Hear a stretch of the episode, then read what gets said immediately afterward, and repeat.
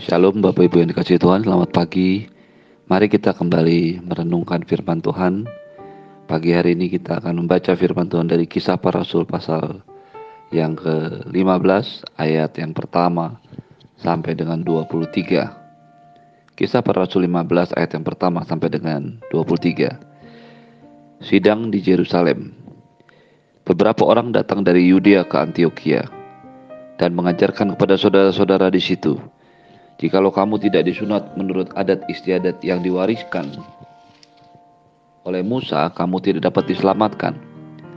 Tetapi Paulus dan Barnabas dengan keras melawan dan membantah pendapat mereka itu.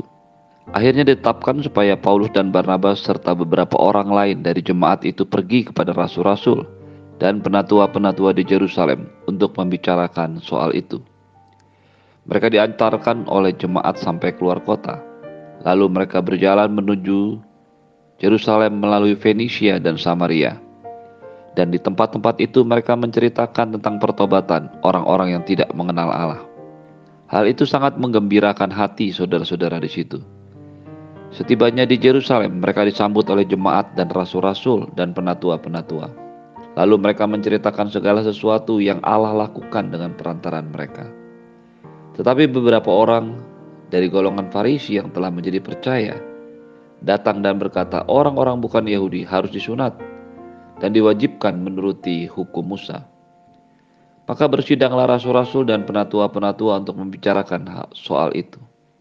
Sesudah beberapa waktu lamanya melakukan melangsungkan pertukaran pikiran mengenai soal itu, berdirilah Petrus dan berkata kepada mereka, "Hai saudara-saudara, kamu tahu bahwa telah sejak semula Allah memilih aku dari antara kamu, supaya dengan perantaraan mulutku bangsa-bangsa lain mendengar Injil dan menjadi percaya. Dan Allah yang mengenal hati manusia telah menyatakan kehendaknya untuk menerima mereka. Sebab ia mengaruniakan roh kudus juga kepada mereka sama seperti kepada kita. Dan ia sama sekali tidak mengadakan perbedaan antara kita dengan mereka. Sesudah ia menyucikan hati mereka oleh iman kalau demikian, mengapa kamu terus mencobai Allah dengan meletakkan pada tengkuk murid-murid itu suatu kuk yang tidak dapat dipikul, baik oleh nenek moyang kita maupun oleh kita sendiri? Sebaliknya, kita percaya bahwa oleh kasih karunia Tuhan Yesus Kristus, kita akan beroleh keselamatan sama seperti mereka juga. Maka diamlah seluruh umat itu, lalu mereka mendengarkan Paulus dan Barnabas menceritakan segala sesuatu yang dilakukan Allah, mujizat dan tanda dengan perantaran mereka di tengah-tengah bangsa lain. Bapak Ibu yang dikasih Tuhan, kalau kita belajar apa yang barusan kita baca, maka kita akan menemukan sebuah hal yang sangat luar biasa yang Tuhan mau ajarkan.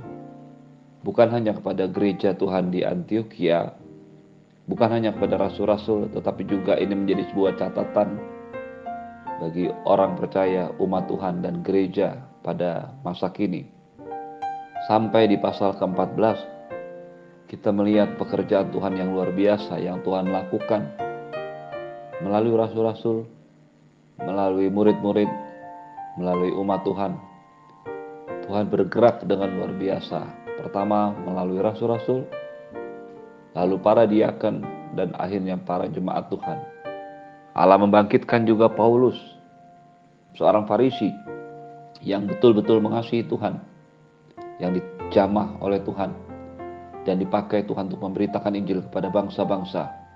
Bapak Ibu yang dikasih Tuhan, ketika semua yang kita baca sampai dengan pasal yang ke-14 menceritakan perbuatan besar Tuhan, bagaimana pihak dari luar jemaat dipakai oleh si jahat, dipakai oleh iblis untuk menghalangi pemberitaan Allah melalui imam-imam, melalui orang-orang Farisi, melalui pemerintah-pemerintah, bahkan melalui penganiayaan-penganiayaan yang sulit seperti yang dialami oleh Paulus, Stefanus, dan banyak umat Tuhan lainnya. Ternyata kesulitan persoalan tekanan dari luar tidak mampu menggoyahkan pekerjaan Tuhan, tidak mampu menyetop pemberitaan Injil. Injil terus diberitakan, banyak orang percaya dan bertobat. menerima keselamatan daripada Tuhan Yesus. Ketika iblis mencoba menghancurkan segala sesuatu umat Tuhan dari luar dan tidak berhasil, maka si jahat mencoba mengacaukan pekerjaan Tuhan dan gereja Tuhan dari dalam. Dan ini menjadi sebuah catatan penting bagi bukan hanya bagi jemaat di Antioquia, orang atau gereja Tuhan yang ada di Yerusalem yang dipimpin oleh rasul-rasul, tetapi juga menjadi sebuah catatan buat kita bahwa setiap pekerjaan Tuhan yang dilakukan Allah bersama-sama dengan kita selalu akan mendapatkan tantangan, masalah, tekanan, baik dari pihak luar dan kalau itu tidak berhasil menggoyahkan umat Tuhan, maka masalah akan timbul dari dalam. Inilah yang terjadi dengan gereja di Antioquia. Pada saat itu, gereja di Antioquia mengalami masa-masa pertumbuhan yang sangat luar biasa. Baik melalui pelayanan pekerjaan Tuhan di luar, dibuktikan dengan pelayanan Paulus dan Barnabas sampai ke daerah Pisidia masuk ke Pulau Siprus, lalu ke daerah di sekitaran Likaunia, kota Iconium, Listra, dan Derbe. Bahkan pekerjaan Tuhan terus berlanjut sampai ke Pamfilia, ke Perga. Dan ketika akhirnya Paulus dan Barnabas kembali ke Antioquia, itu adalah masa-masa yang menyenangkan sebenarnya bagi jemaat di Antioquia. Dipimpin oleh para hamba-hamba Tuhan yang luar biasa. Ada Barnabas, ada Paulus, ada Lucius, ada Menahem, dan ada banyak pemimpin. Mereka merupakan pengajar dan nabi yang ada di sana. Tetapi masalah mulai timbul dan masalah selalu ada dalam hidup kita, baik sebagai gereja maupun sebagai pribadi, keluarga, bisnis, dan apa pun yang kita kerjakan hari-hari ini. Beberapa orang datang dari Yudea. Kalau melihat catatan dan kisah selanjutnya, kita akan melihat besar kemungkinan itu adalah orang-orang yang berasal dari kaum atau masa Farisi yang memang sudah percaya dan bertobat menerima keselamatan daripada Tuhan Yesus. Mereka tidak berangkat diutus oleh rasul-rasul di Yerusalem atau Yudea. Kita tidak tahu mengapa mereka datang ke Antioquia, tetapi ketika mereka datang ke Antioquia, mereka mengajar bahwa orang-orang bukan Yahudi harus disurat dan mengikuti hukum Musa.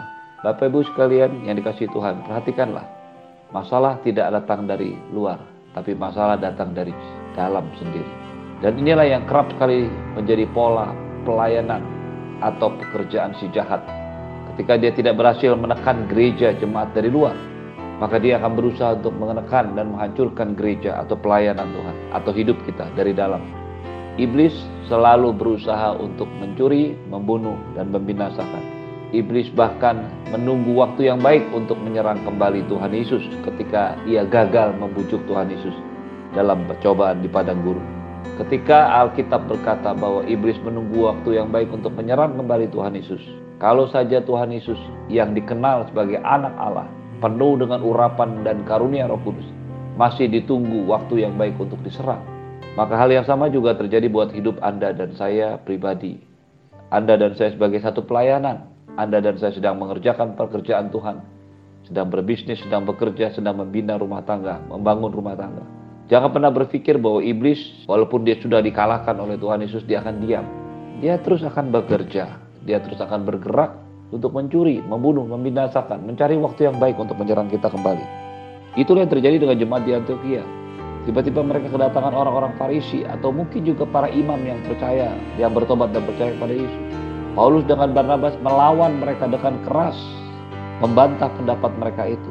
Perhatikan baik-baik, sebuah ketegasan selalu diperlukan menghadapi masalah dan kesesatan, terutama berhubungan dengan pengajaran yang tidak sesuai dengan kebenaran firman Tuhan. Bapak Ibu yang dikasih Tuhan, kita tidak bisa berdamai dengan semua orang, walaupun kita harus berusaha menjaga perdamaian dengan semua orang.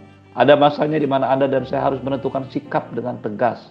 Mengapa? Kalau tidak, ini akan terus merusak kehidupan jemaat di Antioquia. Paulus dan Barnabas dengan keras dan tegas membantah pendapat mereka. Walaupun demikian, ketegasan dan kekerasan sikap Paulus dan Barnabas tetap didasari oleh hati yang terbuka dan lembut. Itu sebabnya mereka memutuskan supaya pergi ke Yerusalem menemui rasul-rasul dan penatua-penatua untuk membicarakan hal itu. Ini adalah sebuah gambaran keindahan dari gabungan antara sebuah ketegasan dan kelemah lembutan dan hati yang terbuka. Dengan tegas Paulus dan Barnabas melawan penyesatan, kekacauan, pekerjaan si jahat. yang coba ditaruh, yang coba dipakai untuk menghancurkan gereja Tuhan. Tapi hati mereka masih terbuka. Hati mereka dipenuhi dengan kelemah lembutan sehingga akibatnya mereka memutuskan untuk pergi ke Yerusalem. Bapak yang berkasih Tuhan, apa pun masalah kita, kita tidak bisa berjalan hanya dengan kelemah lembutan saja atau kekerasan hati saja. Perhatikan apa yang dilakukan oleh Paulus dan Barnabas. Mereka dengan keras menentang, tapi mereka juga memutuskan untuk pergi ke Yerusalem. Semua itu adalah gambaran yang luar biasa. Di tengah-tengah situasi apa pun yang kita hadapi, kita harus berdiri atas karakter Kristus. Tidak selalu Tuhan Yesus menampakkan sikap yang lemah lembut. Tidak selalu juga Tuhan Yesus menampakkan ketegasan. Semuanya dilakukan dengan tepat. Akhirnya Paulus dan Barnabas berangkat ke Yerusalem mereka diantar oleh jemaat sampai keluar kota, sebuah gambaran luar biasa. Betapa hubungan yang baik, penghargaan dan penghormatan diberikan kepada hamba-hambanya. Dalam perjalanannya, Paulus dan Barnabas memberitakan Injil, menceritakan kebaikan Tuhan juga kepada jemaat di kota yang mereka lalui dan lewati. Ini adalah sebuah sikap yang luar biasa dari seorang yang sangat mengerti waktu adalah kesempatan untuk memberitakan Injil sehingga apa pun yang terjadi, keadaan apa pun mereka terus memberitakan Injil. Setibanya di Yerusalem, mereka disambut oleh jemaat dan penatua, rasul-rasul. Lalu mereka menceritakan perbuatan Allah melalui mereka. Bapak Ibu sekalian tolong perhatikan baik-baik ayat keempat ini. Setibanya di Yerusalem mereka disambut oleh jemaat dan rasul-rasul dan penatua. Lalu mereka menceritakan segala sesuatu yang Allah lakukan dengan perantara mereka. Mereka menceritakan apa yang Allah lakukan bersama-sama dengan mereka. Allah lah yang mengerjakan semua itu melalui mereka. Mereka hanya merupakan sarana. Mereka hanya merupakan alat Tuhan. Tetapi Tuhanlah yang mengerjakan. Mereka menempatkan Tuhan pada porsi dan fokusnya. Dan diri mereka pada tempatnya. Jangan pernah merasa bahwa apa yang Allah lakukan dalam hidupmu adalah pekerjaanmu. Jangan pernah merasa bahwa semua yang terjadi itu adalah kekuatan kita. Allah lah yang mengerjakan itu dalam diri kita. Ketika mereka tiba di Yerusalem, ternyata ada beberapa orang Farisi yang juga datang menemui mereka dan berkata, orang bukan Yahudi harus disunat dan diwajibkan untuk menuruti hukum Taurat. Ini adalah kelompok orang yang walaupun percaya tapi tetap memegang kebiasaan dan cara hidup yang lama. Akhirnya rasul-rasul dan penatua bersidang. Lalu Petrus menyatakan beberapa poin yang akan kita renungkan pagi hari ini. Yang pertama, Petrus menyatakan, Tuhan menyuruh dia pergi memberitakan Injil kepada bangsa lain. Allah lah yang berinisiatif menginginkan bangsa-bangsa bukan Yahudi untuk percaya. Pekerjaan Tuhan, pemberitaan Injil kepada bangsa-bangsa bukan Yahudi adalah pekerjaan Tuhan, bukan inisiatif dari Petrus. Petrus dengan tegas menolak apa yang Tuhan lakukan di awal ketika dia diperhadapkan dengan makanan-makanan yang tidak kosher. Tetapi akhirnya dia berangkat karena dia tahu itu adalah tujuan Allah untuk memberitakan Injil kepada Cornelius, orang bukan Yahudi. Yang kedua, Petrus menyatakan Allah menerima mereka karena hati, bukan karena fisik. Bukan karena mereka secara daging adalah Yahudi dan secara daging adalah bukan Yahudi. Bapak Ibu dengan Bapak Ibu dikasih Tuhan dengan tegas Petrus mulai menunjukkan kepada mereka satu benang merah kebenaran yang sangat luar biasa. Bahwa dari sejak semula Allah berbicara kepada manusia. Allah melihat manusia bukan kepada fisik tapi kepada hati. Yang ketiga, Petrus menyatakan bahwa Tuhan menerima orang-orang bukan Yahudi sama seperti orang-orang Yahudi. Dan itu dibuktikan dengan mengaruniakan karunia-karunia Roh Kudus. Sebab ketika Petrus berdoa buat Cornelius dan keluarganya, ia melihat bahwa Roh Kudus juga turun. Mereka berbahasa roh. Bapak Ibu yang dikasih Tuhan, perhatikan baik-baik. Karunia Roh Kudus yang ditunjukkan oleh bahasa roh adalah satu tanda bahwa Tuhan menerima mereka. Dan terakhir, Petrus menegaskan keselamatan adalah kasih karunia Allah. Pagi hari ini, tetaplah berdiri pada kebenaran firman Tuhan. Keselamatan adalah kasih karunia Tuhan. Bukan karena perbuatan baik, bukan karena usaha. Terimalah berkat yang berlimpah dari Bapa di surga, cinta kasih dari Tuhan Yesus, penyertaan yang sempurna dari para roh kudus, menyertai hidupmu hari ini dan sampai selama-lamanya. Dalam nama Yesus semua yang percaya katakan, amin. Shalom, selamat pagi.